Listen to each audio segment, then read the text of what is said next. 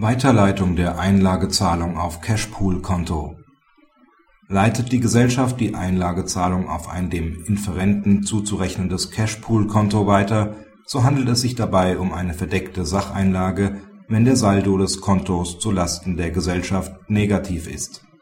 Ist der Saldo positiv, so liegt ein Hin und Herzahlen vor. Der Kläger ist Insolvenzverwalter über das Vermögen einer GmbH deren Gründungsgesellschafterin die Beklagte ist. Die GmbH war in das Cash-Management-System der Beklagten eingebunden. Der Cash-Management-Vertrag war auf unbestimmte Zeit geschlossen und konnte mit einer dreimonatigen Frist zum Ende eines Zwei-Jahres-Zeitraums gekündigt werden. Die Beklagte zahlte den vereinbarten Einlagebetrag auf das in den Cashpool einbezogene Konto der GmbH ein. Der Kläger verlangt erneute Zahlung da die Einlage nicht wirksam erbracht worden sei. Die Beklagte hat ihre Einlageverpflichtung nicht erfüllt, weil die Mittel an sie als Inhaberin des zentralen Cashpool-Kontos zurückflossen.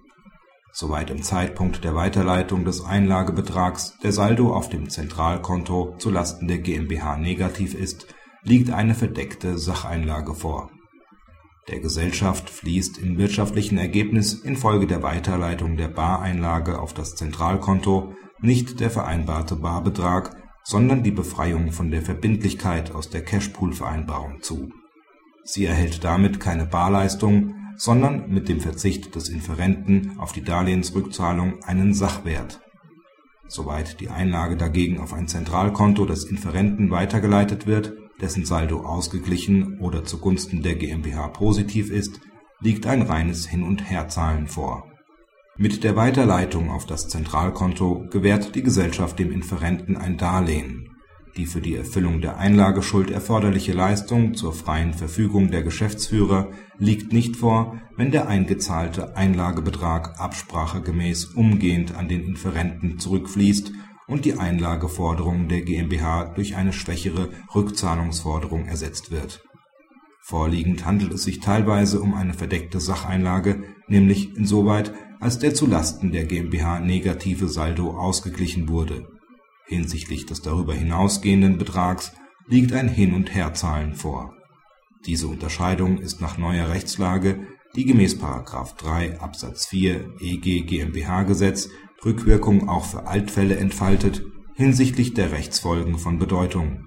Inwieweit bei einer verdeckten Sacheinlage der Inferent die nicht wirksam erbrachte Einlage noch einmal leisten muss hängt davon ab, ob und in welcher Höhe die GmbH durch die Einlagezahlung von einer Forderung des Inferenten befreit wird, die sie ohne diese Einlagezahlung aus ihrem Vermögen erfüllen könnte.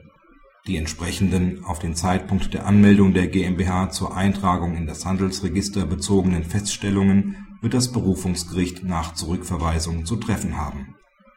Hinsichtlich des Hin und Herzahlens kann der BGH selbst entscheiden die Beklagte ist insoweit nicht von ihrer Einlageverpflichtung frei geworden.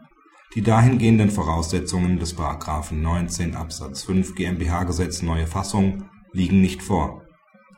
Insbesondere war der Rückgewehranspruch der GmbH gegen den Inferenten nicht jederzeit fällig oder durch fristlose Kündigung jederzeit fällig zu stellen.